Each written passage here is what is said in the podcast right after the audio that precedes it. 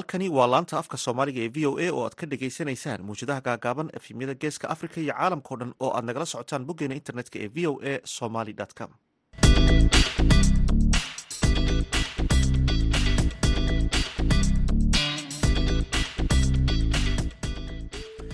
wanaagsan dhegeystayaal waa kowdii iyo barkii duhurnimo xilliga geeska africa iyo lixdii iyo barkii subaxnimo xilliga washington.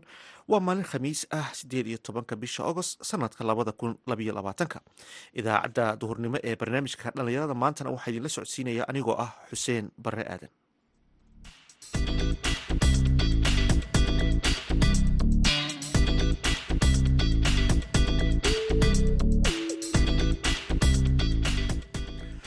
qodobadan idiin haynana waxaa ka mid ah dhallinyarada soomaaliyeed ee ku nool xeryaha qaxootiga ee dhadhaab oo baaq u diray dowladda federaalk ee soomaaliya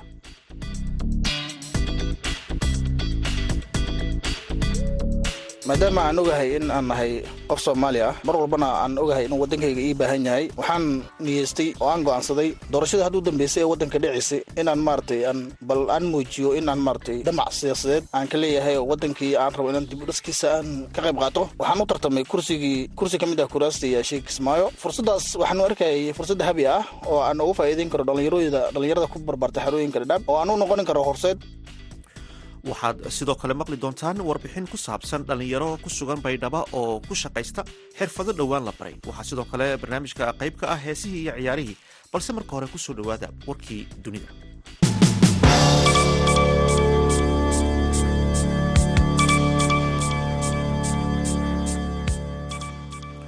xogaha guud ee qaramada midoobay antonio guteres oo booqasho ku jooga dalka ukraine ayaa gelinka dambe maanta wadahadallo la leh madaxweynaha dalkaasi zelenski iyo hogaamiyaha turkiga rajeb tayib erdogan. Hogaamiyaasha ayaa ka wada hadlaya sida sare loogu qaadi lahaa dhoofinta qamadiga ukraine kadib heshiis ay garwadeen ka ahaayeen qaramada midoobay iyo turkiga oo la saxiixay bishii hore booqashadan ayaa ku soo beegantay iyadoo ay sii kordhayso cabsida laga qabo in duqaynta xooggan ee ka dhacday agagaarka warshada nucleerka ee zaborijia ay horseedi karto masiibo bini'aadanimo moscow iyo kiyef ayaa midba midka kale ku eedeynaya weerarada lagu qaaday goobta uu ruushku hadda gacanta ku hayo. Wasaaradda difaaca ee ruushka ayaa ku eedeysay ukraine inay isu diyaarinayso inay tallaabo militari ku qaado warshada nucleerka ee zaborijia sida ay sheegtay wakaaladda wararka ee ruushka ee tas oo warkan ku soo beegmay xili uu xogayaha guud ee qaramada midoobay antonio guteres booqasho uu ku joogo deegaanada ku xeeran warshadda. Zelenski ayaa hore u sheegay in dowladdiisu ay si dhow ula shaqaynayso hay'adda caalamiga ah ee tamarta atomikada si loo xaliyo arrintan.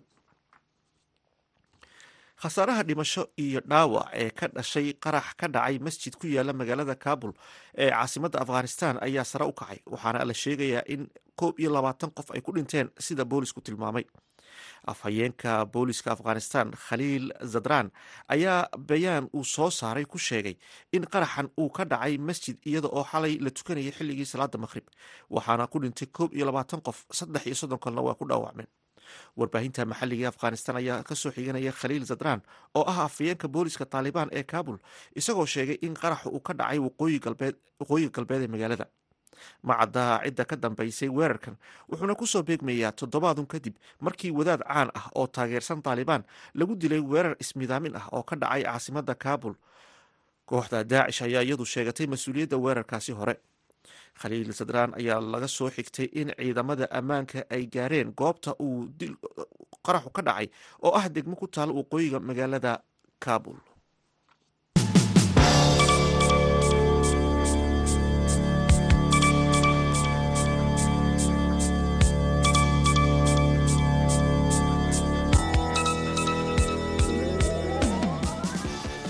halkaad nagala socotaana waa laanta af soomaaliga ee idaacadda v o a.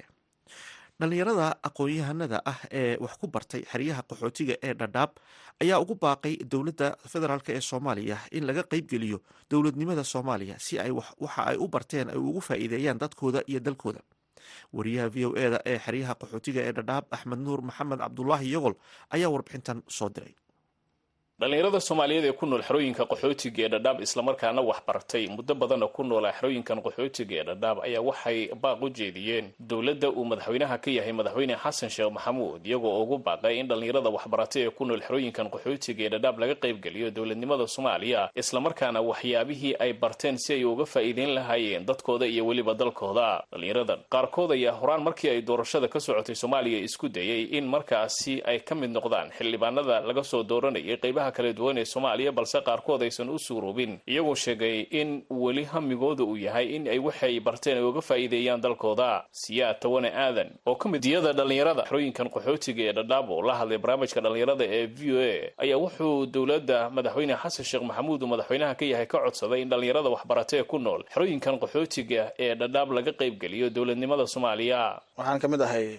dhalinyarada ku barbaartay xerooyinka dhadhaab muddo dheerna inta joogay ku wax baratay ku guursaday ku ilmo dhalay. Maadaama aan ogahay in aan nahay qof soomaali mar walbana aan ogahay inuu waddankayga ii baahan yahay. Waxaan niyeystay oo aan go'aansaday doorashada hadduu dambeysay ee waddanka dhiciisay inaan maaratay aan bal aan muujiyo in aan maaratay damac siyaasadeed aan ka leeyahay oo waddankii aan rabo inaan dib u dhiskiisa aan ka qayb qaato. Waxaan u tartamay kursigii kursi ka mid ah kuraasta yaashay kismaayo. Fursaddaas waxaanu arkayay fursad habi ah oo aan ugu faa'iideyn karo dhallinyarooyda dhalinyarada ku barbaartay xerooyinka dhadhaab oo aan u noqonin karo horseed oo aan u noqonin karo maaratay maxaa lehay ifaalo iyo qof ay ku daysadaan oo role model u noqdo laakiin nasiib wanaag janskaas aan raadiyey sidii aan wax u rabay maysan u noqono maan ku guulaysanin kursigii asaga ahaa. Marka waxaan dowladda cusub ku baaqayaa maadaama hadda wasiiradii la soo dhisay ra'iisul wasaaraha iyo xukuumadda uu soo dhisayba insha allah raxmaan waxaan u rajeynayaa inay guulaysato. Madaxweynaha sidoo kale isagana cusub mudane xasan sheekh maxamuud isagana waxaan rajeynaya insha allah raxmaan inuu guulaysto hadafkiisii iyo halkudhigiisii ahaa soomaali heshiis ah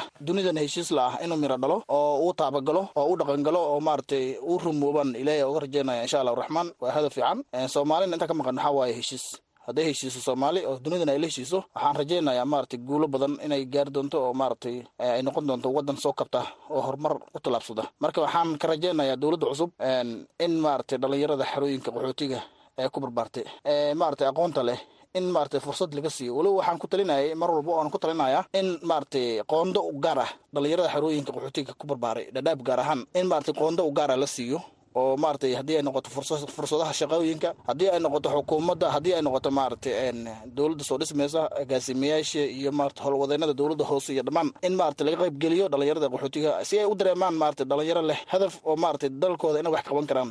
Mashruucaas marka waxaan leeyahay insha allah raxmaan haddii la hirgeliyo dhalinyaradaas qoondadaas loo loo meelmariyo waxaan rajeynayaa in ay noqoto maaragtay dhalinyaro wax soo kordhiya waddankana wax maaragtay dib u dhiskiisa ka qayb qaata yay noqoni karaan. Marka waxaan ku talinayaa anigoo ah dhalinyaro maarata aqoon-yahana maarata in badan iyo qaxootiga u shaqeeyey inay dhalinyarada qaxootiga ku barbaartay inay wax soo kordhina karaanaan qabaa marka waxaan leeyahay fursadda iyo janska waddanka in maarata dhalinyaradii wax laga siiyo si ay maaragtay ugu diirsadaan oo maarata ugu xisaabtamaan waddankoodii dib u dhiskiisana ay maarata kaalintooda ay ka qaataan. Waxaa xasuus mudan oo aan jeclahay in aan soomaaliya inteeda kale aan laga wadaago gaar ahaan dowladda oo madaxweyne xasan sheekh maxamuud uu madaxweynaha ka yahay. Qaxootiyaha waxaa ku nool dhalinyaro maarata qaybaheeda kala duwan. Dhalinyaro xirfad leh sida kubadoo kale. Waxaan jeclaan lahaa dhalinyarooyin waxaa jirta maarata ka ciyaar wanaagsan ka ciyaar quruxsan. Markay soo bandhigayaan talentkooda sportska aad isdhigi kartid makan maronaladahi la sheegaya makan maxaa lahay meesigi la sheegaya isdhehesid ciyaartooda iyo markay qaabka maarata habdhaqaaqa iyo ay maarata samaynayaan ciyaarta. Markaad fiiriso waxaad dhehaysa dhalinyaradan waxay u dhigmaanba maarata inay ka ciyaaraan maarata garoomada waaweyn ee caalamka. Marka dhalinyarada naftirkeed in maarata la tixgeliyo mudnaan la siiyo weli waxaan ku talinayaa dowladda gaar ahaan wasaaradda maarata dhalinyarada iyo sbortilka in ay weliba il gaar ah ay ku fiirso dhalinyarada xerooyinka qaxootiga ku barbaaray. Siyaad waxaad ka mid tahay gudiyada dhalinyarada xerooyinkan qaxootiga ee dhadhaab gaar ahaan xerada ifo. Dhalinyarada wax ku baratay xerooyinkan qaxootiga ee dhadhaab oo aad ka mid tahay qaarkood ilaa jaamacada ka baxeen. Xilligan door intee leeg bay ka qaadan karaan dib u dhiska soomaaliya iyo weliba sidoo kale adeegidda bulshada soomaaliyeed. Wallaahi waxaan qabaa door weyn inay ka qayb qaadan karaan dib u dhiska soomaaliya gaar ahaan xasiloonida iyo maaragtay nabadeynta iyo isku keenida iyo maarata dhalinyarada xerooyinka xerooyinka dhadhaab ku barbaaray. Waxaa xusid mudan oo aan jeclahay inaan bulshada la wadaago. Waa dhalinyaro maarata isku dhaf ah ma ma yaqaanaan qabiil ma yaqaanaan maxaa jiray. Waxyaabahan kale ee soomaalida ay ku dhaqanto waxay garanaya oo keliya inay yihiin dhalinyaro soomaaliyeed oo hal meel ku barbaaray oo maaragtay hal magac oo qaxooti ah ay wada leeyihiin. Marka waxayna sidoo kale hamuum iyo maarata baahi dheer u qabaan in wadankooda oo xasiloonin oo xasiloon inay arkaan. Marka waxaan qabaa inay wax badan soo kordhin karaan waxaan qabaa inay qaybo badan oo maarata dibudhiska wadanka ay ka qayb karaan. Haddii ay noqoto nabadeynta haddii ay noqoto maarata kubaca ganacsiga haddii ay noqoto maxaa la jiray dhinac kastaba waxaan aaminsanahay dhalinyarada haddii ay helaan fursad haddii ay helaan jans masafo maaragtay ay wadanka ay oga qayb qaataan dibudhiskiisa inay kaalin weyn ay ka qaadan karaan oo mug leh oo muuqata. Yaan aaminsanahay. Ugu dambayntii marka maxay tahay baaqaad u dirayso xukuumadda soomaaliya si dhalinyarada wax ku barta xeryaha qaxootiga ee dhadhaab qayb looga dhigo ee xukuumadda soomaaliya qaybaha haray wallaahi waxaan mar walba aan dowladda xukuumadda cusub iyo dowladda federaalka ee soomaaliya iyo guud ahaan dowlad goboleedadaba aan maaragtay ugu baaqayaa in ay il gaar ah il naxariis leh ay ku soo fiiriyaan dhalinyarada maarata xarooyinka qaxootiga ku nool gaar ahaan anahooba bulshada xarooyinka dhadhaab ku jira gaar ahaan dhalinyarada iyo da-yarta. In maaragtay fursad jans laga siiyo wadankii waxaan hubaa haddii jans badan oo hadda aysan helaynin haddii la siiyo inay wax badan soo kordhini karaan. Marka waxaan ugu baaqayaa dowladda federaalka iyo dowladaha xubnaha ka ahba in maaragtay ay il ah maaragtay ay ku soo fiiriyaan dhalinyarada xarooyinka dhadhaab ku jira dhalinyaro fara badan oo wax ku baratay xerooyinkan qaxootiga ee dhadhaab ayaa waxay hamigooda u yahay inay marun dib ugu laabtaan soomaaliya si markaasi waxyaabihii ay barteen ay uga faa'iideeyaan dadkooda iyo weliba dalkooda. Axmed nuur maxamed cabdullah iyo gool v o a xeryaha qaxootiga ee dhadhaab. Halka aad weli nagala socotaana waa laanta afka soomaaliga ee v o a oo si toosa idinka imanaysa washington. Markana aan ku wada nasanno mid ka mid a heesahan idinku talagalnay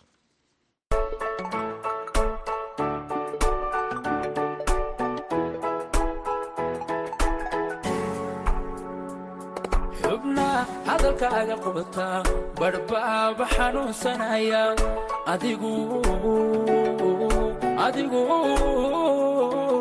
Adigu xilligaada ka dheertay. Adigu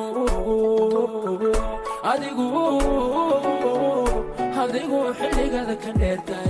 Xubna hadalkaaga qubata badhbaaba xanuunsanaya. Adigu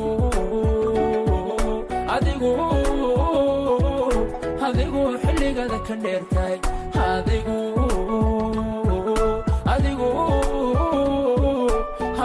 xilligaada ka dheertay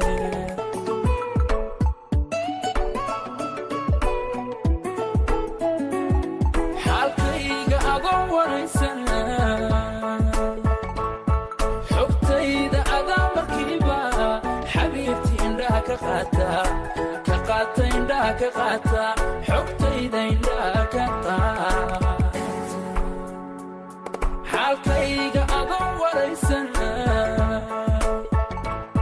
xogtayda adaa markiiba xabiibti indhaha ka qaata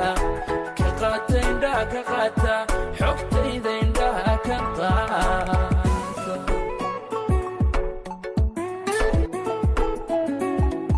Xidhiidhka wadnaha la leedahay dareen xaasnima ka weyne.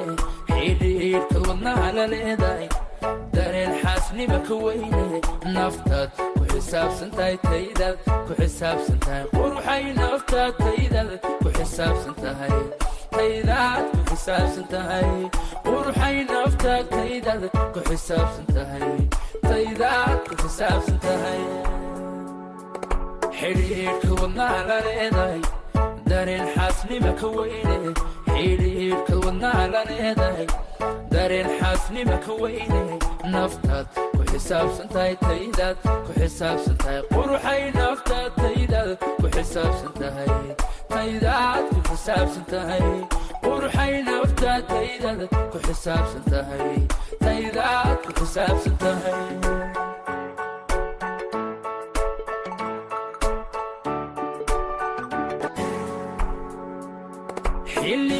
kala dheerideenna xusuustaadan la noolay adigu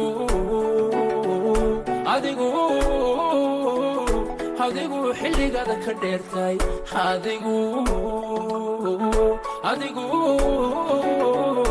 adigu xilligaada ka dheertay xilliga kala dheerideenna xusuustaadan la noolay adigu adigu adigu xilligaada ka dheertay adigu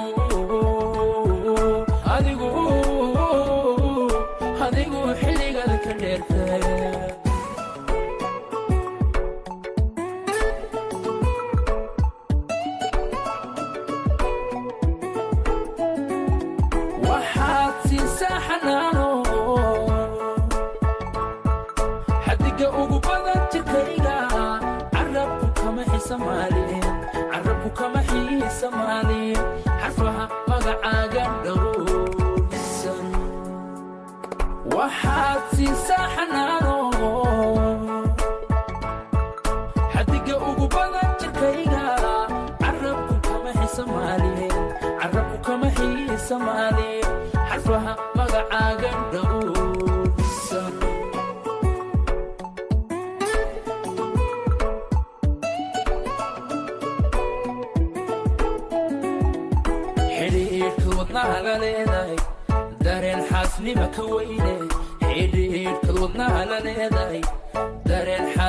ka weyne naftaad ku xisaabsan tahay taydaad ku xisaabsan tahay quruxay naftaad taydaad ku xisaabsan tahay taydaad ku xisaabsan tahay quruxay naftaad taydaad ku xisaabsan tahay taydaad ku xisaabsan tahay xidhiidhka wadnaha la dareen xaasnima ka weyne xidhiidhkad wadnaha la dareen xaasnima ka weyne naftaad ku xisaabsan tahay taydaad ku xisaabsan tahay quruxay naftaad taydaad ku xisaabsan tahay taydaad ku xisaabsan tahay quruxay naftaad taydaad ku xisaabsan tahay taydaad ku xisaabsan tahay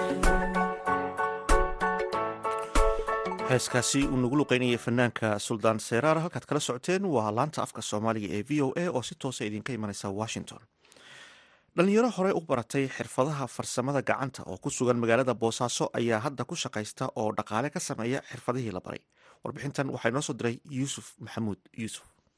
Dhallinyaradan oo isugu jira wiilal iyo gabdho ayaa bilooyin ka hor. Waxay magaalada boosaaso ka furteen xarumo ay dhaqaale ka abuuraan waxayna u noqotay shaqo abuuris iyo weliba inay ku dabaraan noloshooda iyo weliba midda qoysaskooda mumtaas siciid axmed waxa ay leedahay xarun lagu qurxiyo dumarka oo inta badan ay tagaan gabdhaha aroosyada iyo weliba kuwa xafladaha ka qayb gala waxayna v o a u sheegtay waxa ay qabatay iyo weliba sida shaqo abuurkan ay ku samaysatay. Magacaygu waa mumtaas waxaan ku noolahay magaalada boosaaso waxaan ku shaqaystaa xirfadda qurxinta dumarka. Anigoo leh meel aan ku shaqaysto aan aasaastay anigu ka gaar ahaan anigu meesheedu waa laba qaybood qayb dumarka qayb waxay noogu yimaadaan cilaansaarka iyo qurxinta dayli ahaan. Dumarka kuwa xafladaha dhisada aroosyada iyo xafladahaba waan ku qabanaa. Waxyaabo badanna waan ka dabaraa. Aniga nafsad ahaanteeda waan ka badaraa reerkayga iyo dadkaygaba waan badaraa. Inaan timaha timaha dumarka u qurxino makeabka cilaansaarka dhisida aroosyada cambuurada iyo waxyaabahaas. Ku dhawaad sanad iyo bar ayay ii furan tahay. Waxyaabo badanaa naga soo gala. Kolaba meeshii kolaba meel ganacsi hadday tahay. Qarashaada kaa soo galayo qarashna wuu ku baxayaa. Balse qarashka ka baxaya waxaa ka badan kan faa-iida ahaan adiga kuu soo galayo. Really aadaan ugu mahad celinayaa macalimiintii iyo dadkii baray xirfadan waxaan ka barta bada qurxinta dumarka. Cabdulaahi ciise axmed oo isagana ka mid ah dhallinyaradan horay u baratay mihnada farsamada gacanta ayaa sharaxaya xaruntan uu ka shaqaysto iyo sida uu hindisay goobtan lagu farsameeyo moobilada. Waana xarun uu isaga uu leeyahay. Run ahaantii anigoo go'aansaday inaan waddanka ka tago xirfadaha ay muhiim yihiin. Dalla wuxuu ku horumaray ay tahay xirfadaha. Waxaan bartay xirfadda moobilada haddan waxaan ku ahay fighter oo brogramminta haddii brogram noqoto. Meesha hadda aan leeyahayni waxaan ku furtay juhdi dadaal aan bixiyey marka hore baraadkaaliyo badan baa sameeyey macalinka ay garab qabtay ilaa iyo aan ka noqday nin takhasusay kadibna waxa weeye meeshaas anaa waxa weeye maalgelin iyo waxbaa raadsaday furtay. Haddana waxa weye way socotaa brograamintooda iyo farsamadooda runtii aad baan dakhli uga helaa. Dee sida hadda aan ahay hadda maanta nin isku filan baan ahay oo hadda xaasla ah oo kirada iska bixiyo ismaareeyo oo dad xataa wax taro. Awalse xaaladeeda runtii dee nin taariikh ku dishanay waa garanaysaan de waa nin wuxuu ahaa dalka cararka ahaa. Ma hadda waaba kuwa hadda ila jooga aniga hadda haddana waxa bixiyaa maadada moobiladii baan bixiyaaba hadda dhalinyaro badan baa maraa oo baraay oo macnaha si aysan u tahriibin.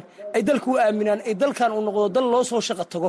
Dhinaca kale maxamuud cabdicasiis oo isagana ka qalin jabiyey farsamada gacanta waxa uu ku sugan yahay xarun lagu farsameeyo kombiyuutarada ama lagu cilad bixiyo. Waxaana uu igaga warramay shaqada uu halkan ka qabto iyo waxa uu ka aaminsanaa markii hore farsamada gacanta inta uusan baran. Halkaan aan ku sugnahay waa meherad aan aanu iska leeyahay marka alxamdulilah kombyuutarada iyo waxaan lagu hagaajiyaa kombyuutarada iyo cilad saaradda kombyuutarada weye waa borogaraamina oo cilad saarnaa marka alxamdulilah haddeer ugu yaraan sanadii toddoba bilood ilaa laba sano. Haddeer nolosheeda waa ii kaabtaa oo nolol baan ka samaystay waxaan ka samaystay oo kale xaas. Marka alxamdulilah xaaskayga iyo aniga iyo wixii kaloo ummadda islaameed iyo wixii reerkaaba waxa weye waa ka caawiyaa shaqadu haddar si wanaagsan bay igu socotaa. Oo shaqada dakhli fiican baan ka helaa inkam fiican baa iga soo gala.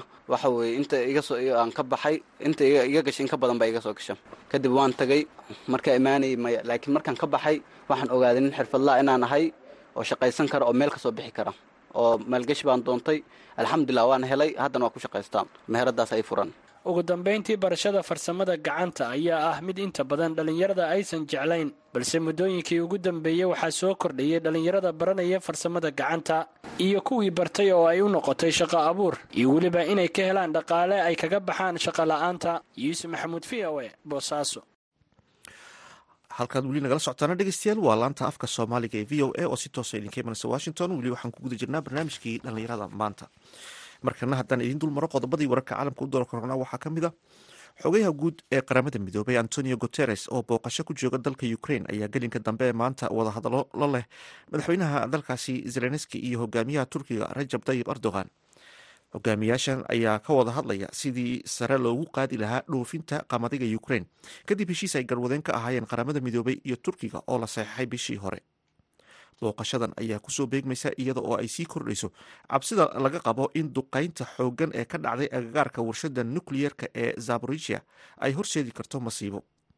Moscow iyo kiyef ayaa midba midka kale waxa uu ku eedeynayaa weerarada lagu qaaday goobtaasi oo hadda ruushku gacanta ku hayo wasaaradda difaaca ee ruushka ayaa ku eedeysay ukraine inay isu diyaarinayso inay tallaabo militari ka qaado warshada nukliyeerka ee zaborisia sida ay sheegtay wakaalada wararka ee ruushka ee tas taas oo ku soo beegantay xili uu xogayaha guud ee qaramada midoobay antonio guteres booqasho ku joogo deegaanada ku xeeran warshada zelenski ayaa hore u sheegay in dowladdiisu ay si dhow ula shaqaynayso hay'adda caalamiga ah ee tamarta atomikada si loo xaliyo arrintan khasaaraha dhimasho iyo dhaawac ee ka dhashay qarax ka dhacay masjid ku yaalla magaalada kaabul ee caasimadda afghanistan ayaa sare u kacay. Waxaana la sheegayaa in ugu yaraan koob iyo labaatan qof ay ku dhinteen sida boolisku tilmaamay. Afhayeenka booliska afghanistan khaliil zadran ayaa bayaan uu soo saaray ku sheegay in qaraxan uu ka dhacay masjid iyada oo xalay xili lagu jiray salaadii maqhrib waxaana ku dhintay sida uu sheegay koob iyo labaatan qof saddex iyo soddon kalena waa ay ku dhaawacmeen warbaahinta maxalliga afghanistan ayaa ka soo xiganaysa afhayeenka booliska ee taalibaan isagoo sheegay in qaraxa uu ka dhacay waqooyiga galbeed ee magaalada kaabul macadda cidda ka dambeysa weerarkan wuxuuna ku soo beegmayaa toddobaadun kadib markii wadaad caan ah oo taageersan taalibaan lagu dilay weerar ismiidaamin ah oo ka dhacay kaabul kooxda daacish ayaa iyadu sheegatay mas'uuliyadda weerarkaasi hore afhayeenka booliska afghanistan khaliil zadran ayaa laga soo xigtay in ciidamada ammaanku ay gaadheen goobta uu dilku ka dhacay oo ah degmo ku taala waqooyiga magaalada caasimadda ah ee kaabul markana dhegeystayaal aynu ku wada nasano mid ka mid a heesaan idinku talagalnay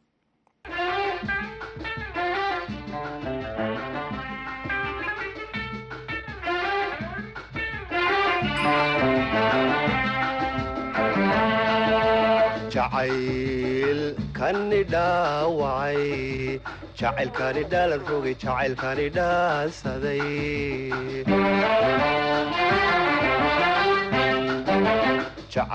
jacaylkani dhaawacay jacaylkani dhaalan rogay jacaylkani dhaansaday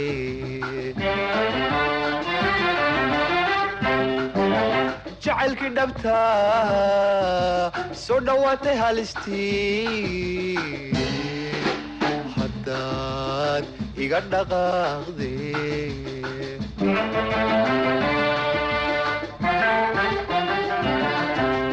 jacaylkii dhabta soo dhowaatay halistii haddaad iga dhaqaaqde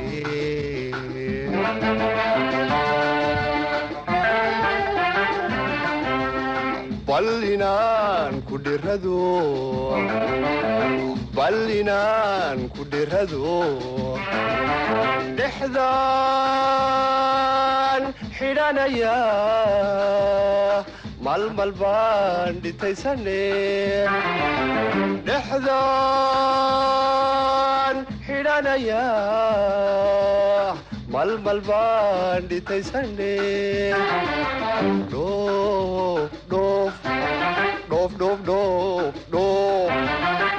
dhoof noole kulante hadhantaalin caashaqa so iigu soo noqo soo noqo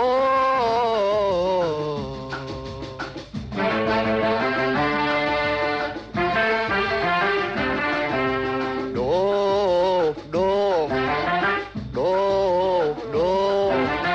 dhoof nooli kulantee hadhantaalin caashaqa dhaqso iigu soo noqo soo noqo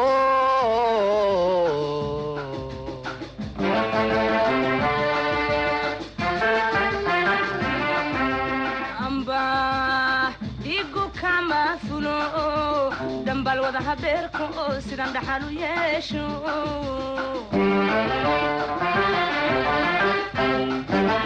amba dhigu kama fulo dhambal wada habeerka oo sidan dhaxal u yeesho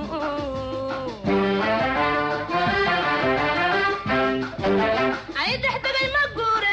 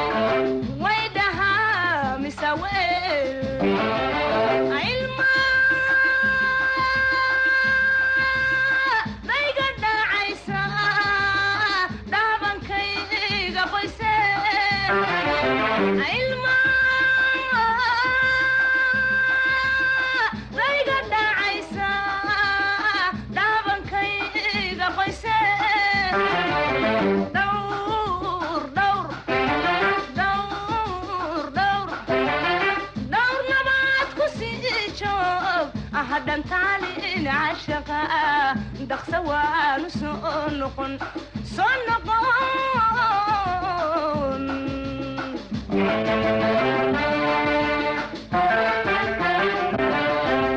dhowr dhowr dhowr dhowr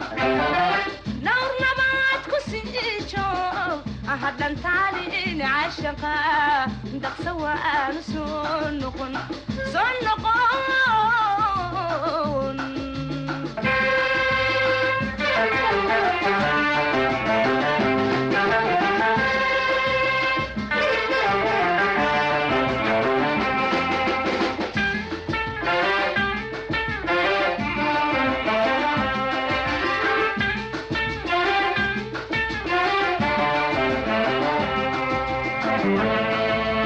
dhaqaaq toobiyaha qaad dhulku taako taako dhararti dalaalimo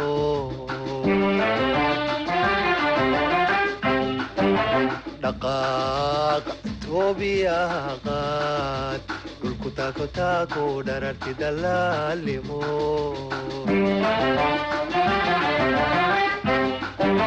malaa'iga ku dhowro wax ku dhiba ilaahay. Kuma soo dhoweeye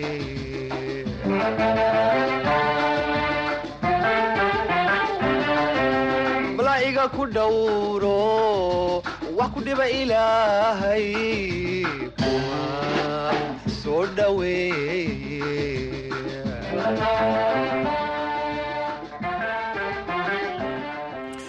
cododkaasi fanaaniinta kuluc iyo mogool ayaan ku soo gabagabaynaynaa baahinteenii idaacadeed oo idinka imanaysa laanta af soomaaliga v o a tan iyo dambe. Waa dhammaan bahda laanta af soomaaliga v o e dale sidaas iyo nabadgelyo